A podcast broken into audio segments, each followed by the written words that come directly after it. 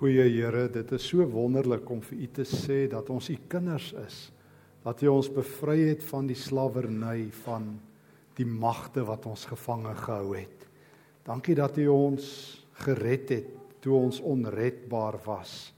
Dat U ons gesoek het toe ons weg was en aangehou soek het in die donker totdat U lig ons lewe verlig het. Dankie Here dat U 'n goeie God is die God van liefde en genade en ontferming.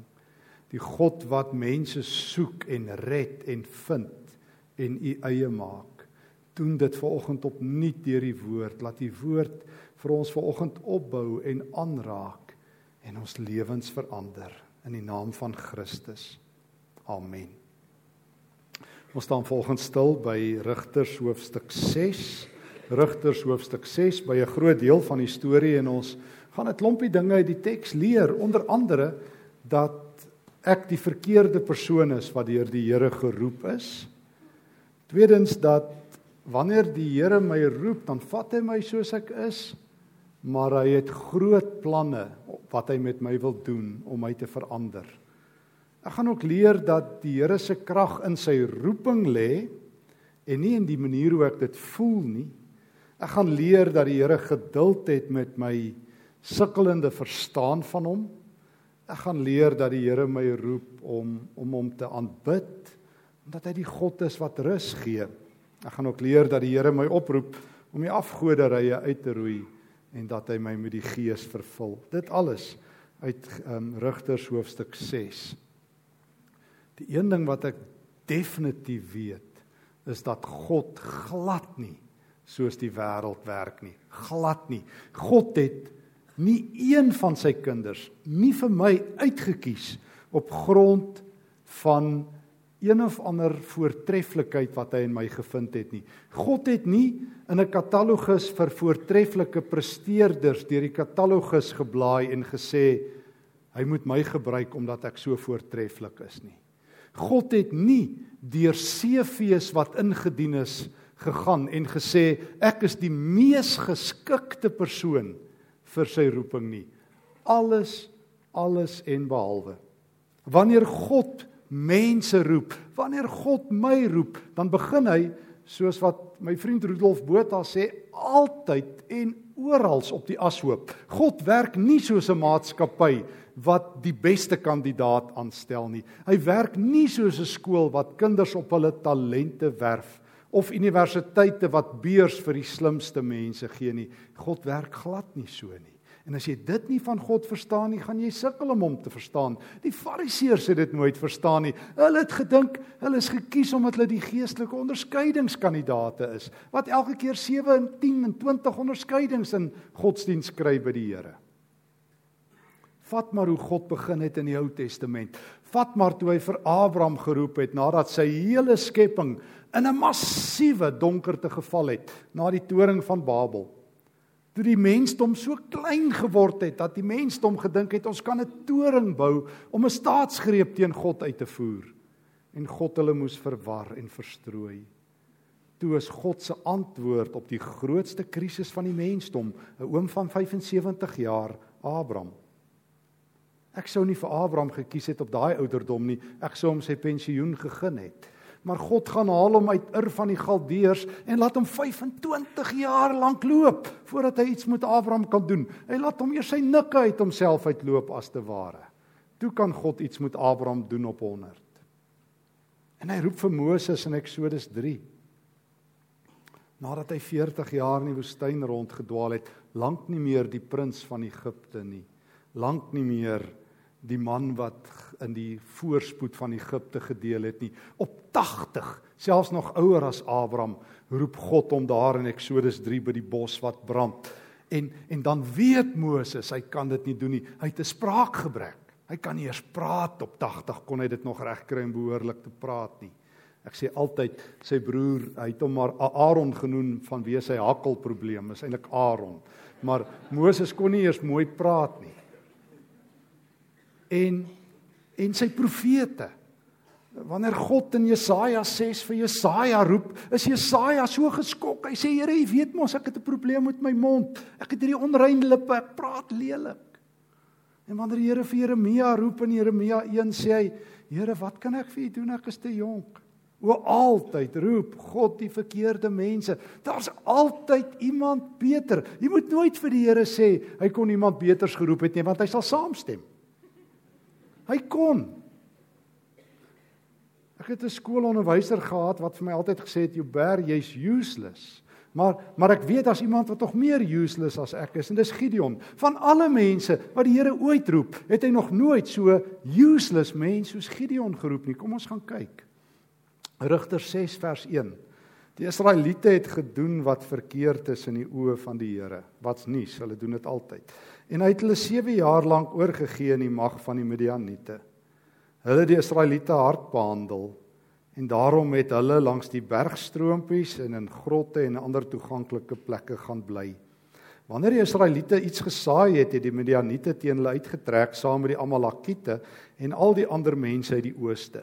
Dan slaan die Midianiete kamp op en vernietig die opbrengs van die land, selfs tot by Gaza se wêreld. Hulle het nie 'n dier in Israel lewend agtergelaat nie, nie 'n skaap of 'n bees of 'n donkie nie. En dan dan hoor ons hoe hulle die land kaal gestroop het. Vers 6 en die Israeliete arm gelaat het en toe die Israeliete geroep om hulp en toe die Here gehoor en toe stuur hy iemand. Maar wat 'n fiasco.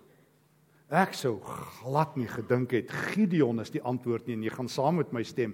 Kom ons gaan lees vers 11. Nou stuur die Here 'n engel. Daarna het 'n engel van die Here gaan sit onder 'n groot boom in Ofra wat behoort aan Joas die Abies Riet. Sy seun Gideon was besig om koring uit te slaan in 'n parskyp waar hy weggekruip het vir die Midianiete. Eerste waarneming: Gideon kruip weg. Nie die soort mense wat moet aanmeld vir diens nie. Hy is die oorspronklike wegvlugter, die wegkruiper, die lafaard van die jaar. Hy is besig om weg te kruip en nou is hy wegkruip plekkie uitgevind. Dis soos blok myself, ek het jou. Ons speel wegkruipertjie en nou kom die engel van die Here, want hier's die ding. Die engel van die Here het altyd jou ruitverwysings. Jy kan nie jou GPS of jou selfoon afsit en dink niemand kan jou opspoor nie. God het die ruitverwysings. Hy kry jou altyd. Jy kan nooit vinnig genoeg hardloop om vir hom weg te hardloop en ver genoeg wegkruip om vir God weg te kruip nie. Nou daag die engel op want hulle weet waar's Gideon. En hy's baie ontstel. En die hoor wat sê die engel vir hom? Dis dis nog erger, vers 12. Die engel van die Here het aan hom verskyn en vir hom gesê: "Die Here is by jou, dapper held." En Gideon sê: "Mmm, mm, ek is nie dapper nie, ek kruip weg." Wat is dapper daan? Dis rugkant eerste hoe my vyande my wil sien. En ek wil ook nie jy moet my sien nie want dan nou gaan verklik jy. So hy is 'n meester in wegvlug, wegkruip. Hy is nie die soort ouens wat jy soek as jy 'n maatskappy begin om jou maatskappy iewers heen te vat nie. Hy is nie die ou wat jy sal vat om avontuurkampe te hou. Hy's nie die sekuriteitsmaatskappy wat jy sal aanstel om jou huis te op te pas as die boewe kom nie. Jy gaan nie vir Gideon bel nie. Hy sal sê ek's besig om weg te kruip. En tog kom die engel en sê dapper help. So die eerste ding is geliefdes, God roep dikwels mense, nie altyd mense wat nie pas by die profiel nie. Daar's altyd beter mense. Jy moet as jy die Bybel lees en dit ken saam met Paulus in Efesiërs 2 uitroep: "O Here, dat ek in U glo is net genade." Here, dis net genade. Efesiërs 2 vers 1 tot 10. Here, dis nie uit verdienste nie. Ek het waaragtig niks om vir U te gee nie. Ek is soos koning Midas met die verskil niks wat ek aanraak verander in goud nie, net in sonde, Here, net in sonde. Here, dat U by my deur kom klop het, dat U by my tafel kom sit het. Here, ek verstaan dit nie. U moes aangehou loop het. Ek wil saam met Petrus uitroep, gaan weg van my, Here. Ek is 'n sondige mens. En en en God hou van die verkeerde mense. Ten minste sê dit, God hou meer van ons as wat ons van hom hou. God hou meer van my as ek van hom. Gideon hou nie eers van die Here nie. Toe die engel met hom praat en dis die tweede ding wat Gideon vir die Here sê. Hy hy hy sê vir die engel, ehm um, maar maar ekskuus meneer, vers 13, ekskuus meneer, o terloops, hy het nie eers etiket nie. Mense sê nooit vir 'n engel meneer nie. Moet dit tog nooit doen as 'n engel by jou verskyn nie. Ek weet nie of daar so een of ander soos daai MC Skooman handboeke vir Christelike etiket is nie, maar maar daar moet ergens so eene wees en dan moet daar so 'n reël wees as 'n engel verskyn, moenie vir hulle meneer sê nie. Dit werk nie. Maar hy weet nie want hy's nie 'n godsdienstige nie. Hy sê ekskuus meneer, maar as die Here by ons is, waarom kom al hierdie dinge oor ons? Vers 13 Waar is al sy magtige dade waarvan ons voorvaders vertel het? Het die Here ons dan nou nie uit Egipte bevry nie en nou het hy ons in die steek gelaat? So meneer, jy moenie met jou godsdienst by my kom nie. Ek glo nie. Bid jou dit aan. Bid jou dit aan. Die Israeliete bid, Here red ons en raai wie kies die Here? Gideon. Ouens, dit raak nog erger, hou vas. Hy's nog slegter as wat ons gehoor het. Hy's properly useless. Moses was net baie oud en hy't bietjie gehakel. Gideon het nie eens geglo nie. Um Jesaja het net 'n vuil mond gehad en die Here kon 'n koolgou daar van die altaar in die hemel vat en op sy lippe druk en sê, "Oké, okay, nou is jou lippe skoon, nou kan jy praat." So dit was redelik maklik. Gideon kruip weg. Hy is hy's 'n ongelowige. Hy twyfel. Hy weet nie hoe praat jy eers met God nie want hy doen nie die met God praat ding nie. So hy weet nie hoe spreek jy God aan nie. Dis 'n dis 'n benarde situasie. Dis God se antwoord op gebed. Dis soos die ouens sal sê, this is as good as it gets. Gideon of dan sê ouens sê, nee, dan moet iemand anders wees. Regtig, want ons gaan nou sien, hy raak nog slegter as dit. En en en hy's en dan draai die Here na hom toe vers 14. Die Here ignoreer hom. Hy steur nie hom aan een van sy verskonings nie. God is so anderster as ons. Hy luister nie as ons verskonings uithaal nie. O, jy kan baie verskonings op God loslaat. Uh, jy gaan sien alle mense as jy suksesvol is, het goeie verskonings as hulle jou uitvang dat jy nie so suksesvol is soos jy moet wees nie. Kinders kan by die skool as hulle nie 10 en 100 onderskeidings het nie sê, "Sjoe, ek het net die vraag verkeerd gespot." En en jou topwerker kan net sê, "Meneer, dit was die verkeer, jy weet, daar was al weer 'n ongeluk op die R21." En en Bloemfontein se stadsaal het afgebrand. Maar jy kan altyd 'n goeie verskoning hê want jou beeld moet intak bly. En die feit dat ons nou nie gewen het nie, dat ek nou nie eerste gekom het nie, nie 10 die 100 meter in 10 sekondes gehardloop het by die skool nie. Maar Gideon het nie eers 'n verskoning nie. Hy weet. Hy het ook nie pretensies nie. Here, U maak 'n fout as U my roep. U moet dit tog baie goed weet. Ek glo nie in U nie. Maar God steur hom nie daaraan nie. En en en dis die eerste ding wat ek leer en hier is die tweede ding wat ek leer.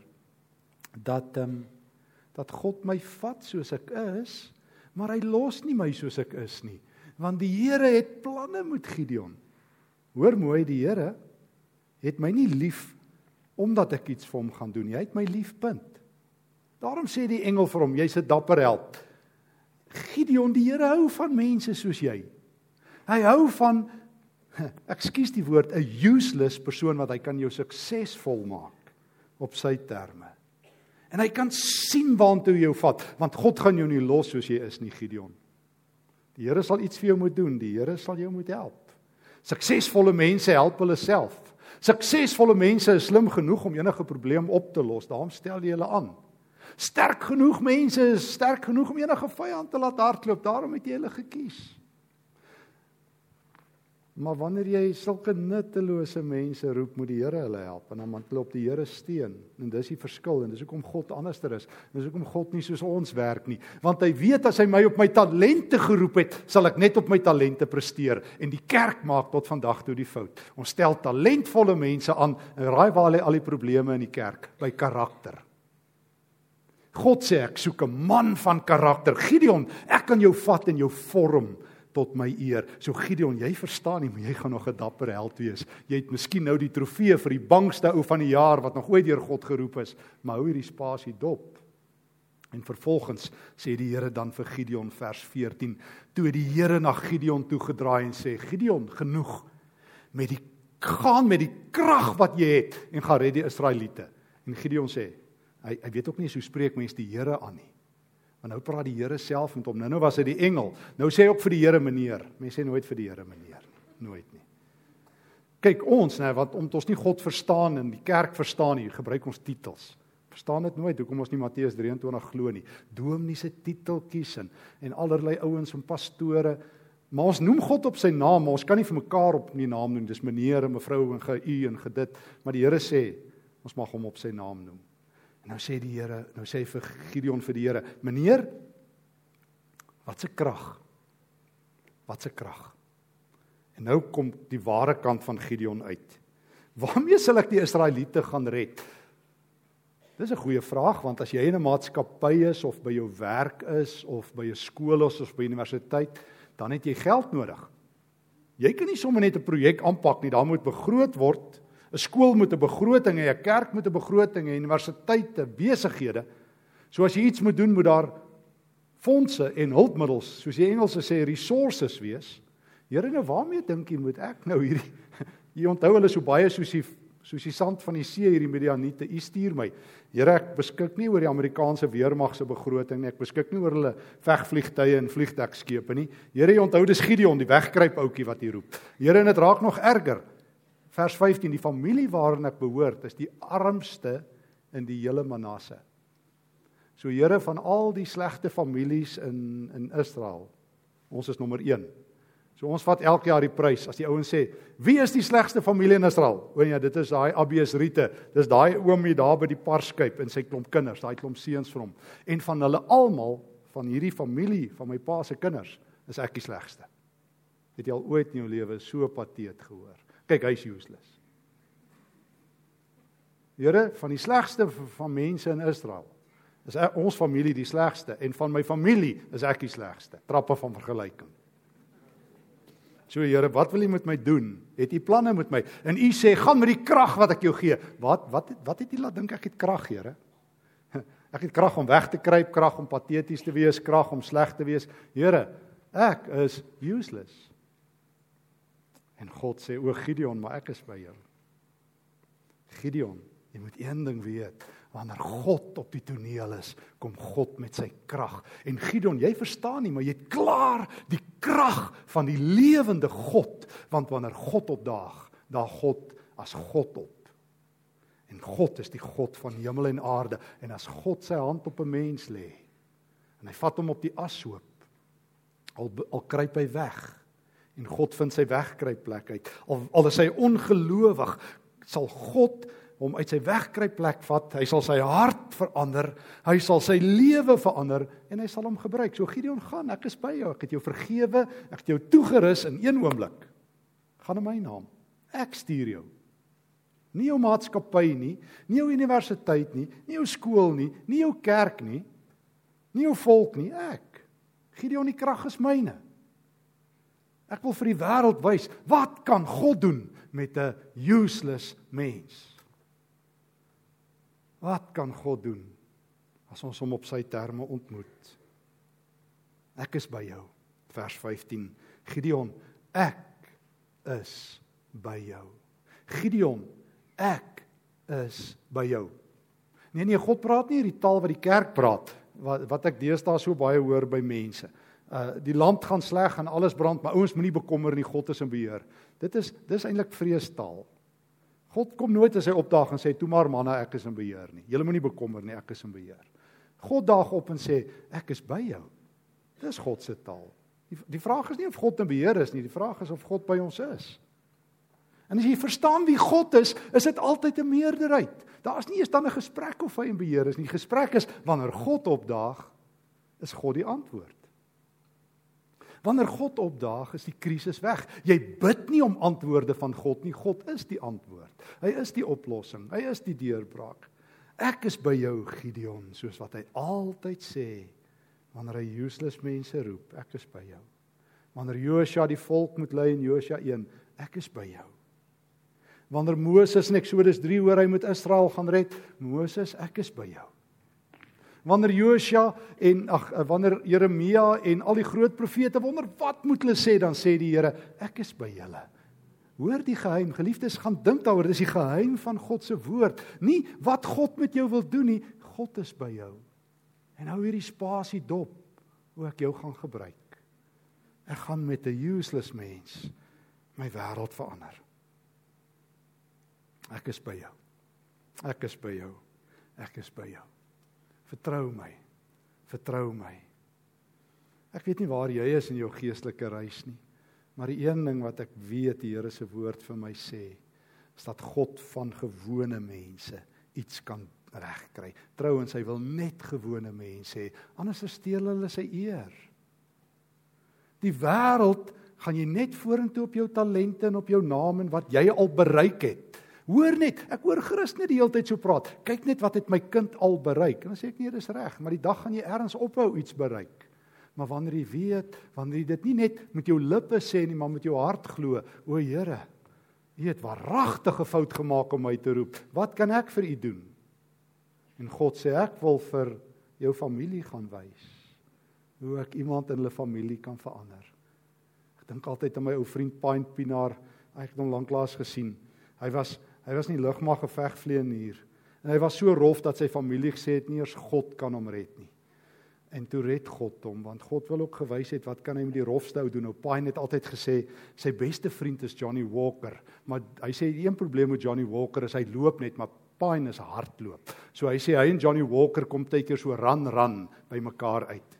Hy sê dan loop hy weer onder Johnny Walker uit en toe red die Here hom. En toe maak hy hom nuut om vir sy familie en vir sy huis te gaan wys wat kan God doen met 'n useless mens. So Gideon moet die wêreld verander. Partykeer moet jy net jou huis verander. Partykeer moet jy net jou familie gaan verander. Partykeer moet jy net by jou skool 'n getuie wees. Partykeer moet jy, ag jy sal weet waarvoor die Here jou roep. Maar feit is hy roep die verkeerde mense. Tweedens, vat hy jou soos jy is en hy rus jou toe soos Gideon.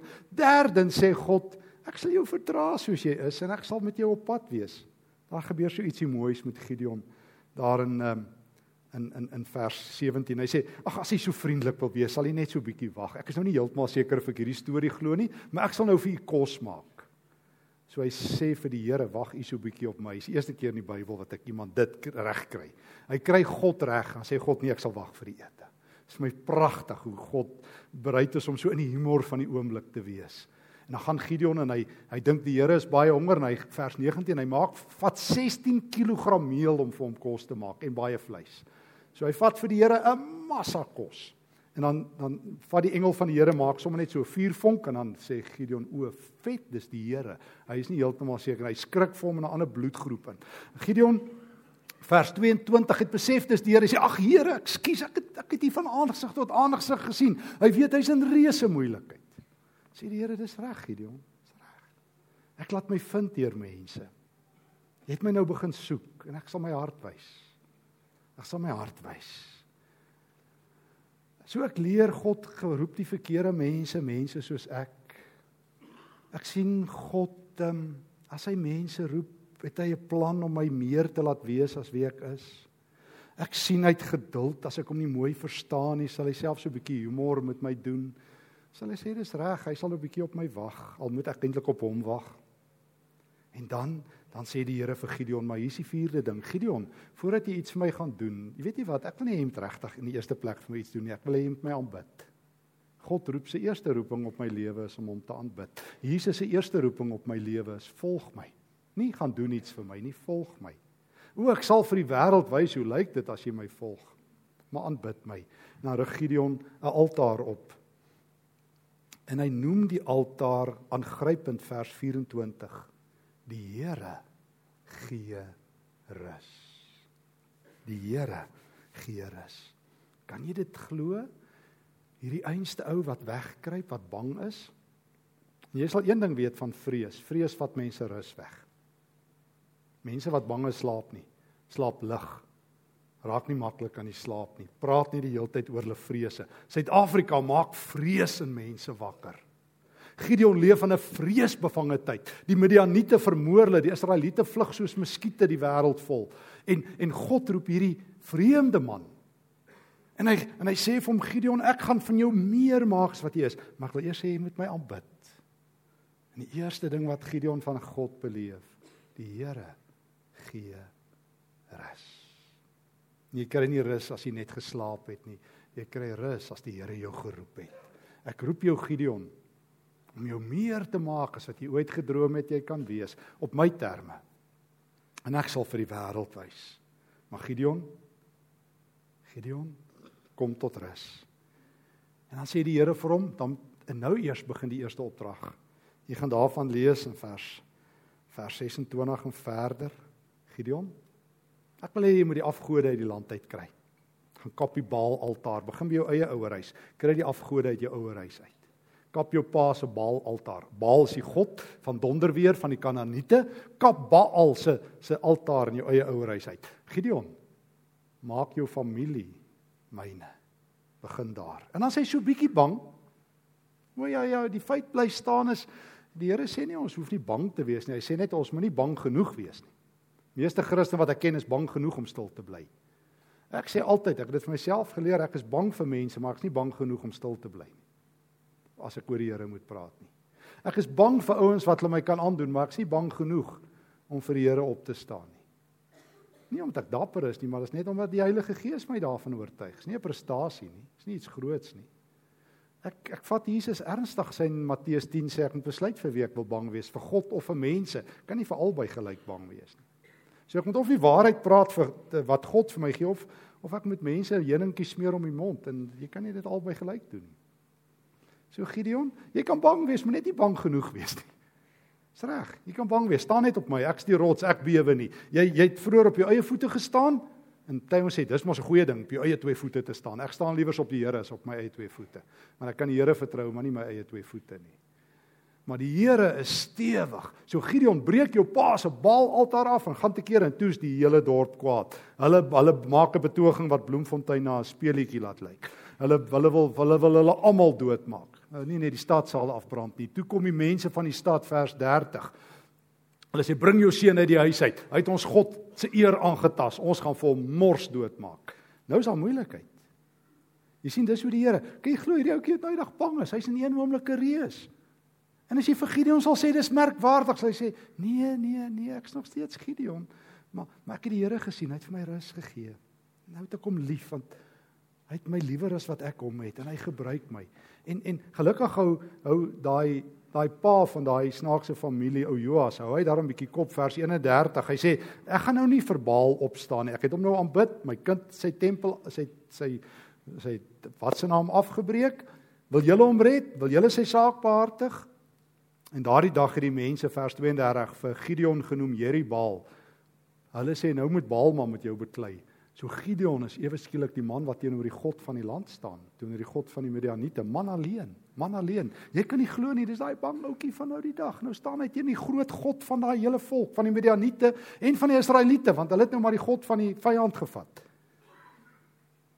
En dan en daarmee sluit ons hierdie gedeelte af. En dan kom die Heilige Gees oor Gideon daardie aangrypende woorde dat die Heilige Gees hom dan kom beseël. Vers 34: Die Gees van die Here het Gideon in besit geneem en hy het op die ramshoring geblaas en die volk opgerig. En toe kan God iets met hom doen. Want sy Heilige Gees het in sy sy lewe ingewaai. Hierdie storie is nie net 'n slaaptyd storie nie, dis 'n lewensstorie. Dit bevestig dat God 'n vreemde roeping het. Dat wanneer hy die Abrahams en die Mosesse en die Jesajas roep, dat hy ook na mense soos jou en ek kyk. Mense wat nie vir hom of vir die wêreld enige waarde het nie. Hy kies ons nie op ons CV, ons talente, ons krag, ons intelligensie nie. Hy kies ons maar net. En hy kom beter gekies het. Maar hy red ons uit genade. En dan groei hy 'n lewenspad met ons om meer te wees as wie ons is toe hy ons gered het. God het planne met jou om jou meer te laat wees as wie jy op hierdie oomblik is. Hou op om net 'n dreigement te wees. Hou op om net God te dreig jy gaan nog iets vir hom doen. Laat toe dat hy jou groei tot meer. Ek sit nou die dag saam met 'n afgetrede dominee wat vir my sê hy het nou afgetree En hy het nou nie eintlik 'n suksesvolle bediening gehad nie. Ek sê oom, dis sommer nonsens. Kom ons sit gou hier so in Magenbeen en oom ek sê vir jou die Here roep jou nou tot 'n groter bediening. Ehm uh, want hy sê vir my hy wil toe gaan Bybels versprei daar by 'n winkelsentrum. Ek sê oom, wat 'n roeping. Die Here uit jou vir 30 jaar net as 'n dominee voorberei. Nou dat jy afgetree het, nou die Here jou aandag. Nou sit nie meer al hierdie mense wat so die hele tyd sulke klein behoeftetjies het wat jou besig hou in vergaderingkies nie. Nou kie vir die Here leef. So oom, nou stel ek jou aan namens die Here in sy naam en ek stuur jou uit en gaan versprei Bybels in jou winkelsentrum. Ek loop hom nou die dag raak. Daai man het 'n krag wat hy hy sê vir my in 40 jaar nie in sy bediening gehad het nie. So the best is yet to come. Jy is nog nie op pensioen nie, dis teruggetrek. Jy het nog nie afgetree nie. Jy werk nie deeltyds vir die Here nie. Sien net dominees wat voltyds werk nie. Jy's voltyds geroep. En as jy sê ek is sleg, ja ja, Gideon was nog slegter. Gideon was nog meer useless as jy en ek. En die Here het hom geroep. En die Here het gesê ek sal saam met jou wees, dapper held. Ek sal my naam verheerlik. Ek sal my eer gee. Ek sal sorg dat jy die afgodstempels in jou eie huis afbreek. En ek sal sorg dat jy opstaan. En as jy bedag wonder hoe sal dit wees sal my Heilige Gees deur jou waai. Want soos Jesus beloof het moet jy nie bekommer wat jy moet sê nie. Ek sal die dag as jy in die moeilikheid is my woorde op jou lippe sit. Gaan net en gaan werk vir my. Amen. Soos wat die Here ons stuur nooi ons eers vir 'n ete Ons gaan saam die nagmaal vier vandag en ek wil graag vra dat die ouens wat die nagmaal uitdeel gou na vore kom en dit so lank begin uitdeel, die brood en die wyn. En ek wil vra dat jy dit net by jou sal hou. Die brood en die wyn, ons gaan dit almal saam eet.